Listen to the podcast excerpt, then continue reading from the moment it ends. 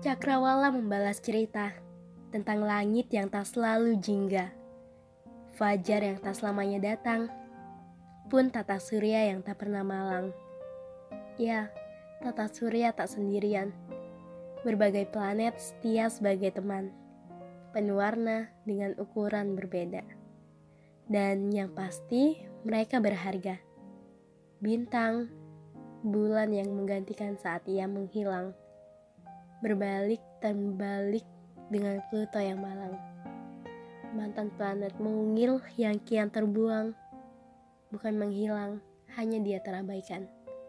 Tak mendapat pengakuan, menambah barisan kesakitan. Tenanglah, masih ada semesta yang menerima.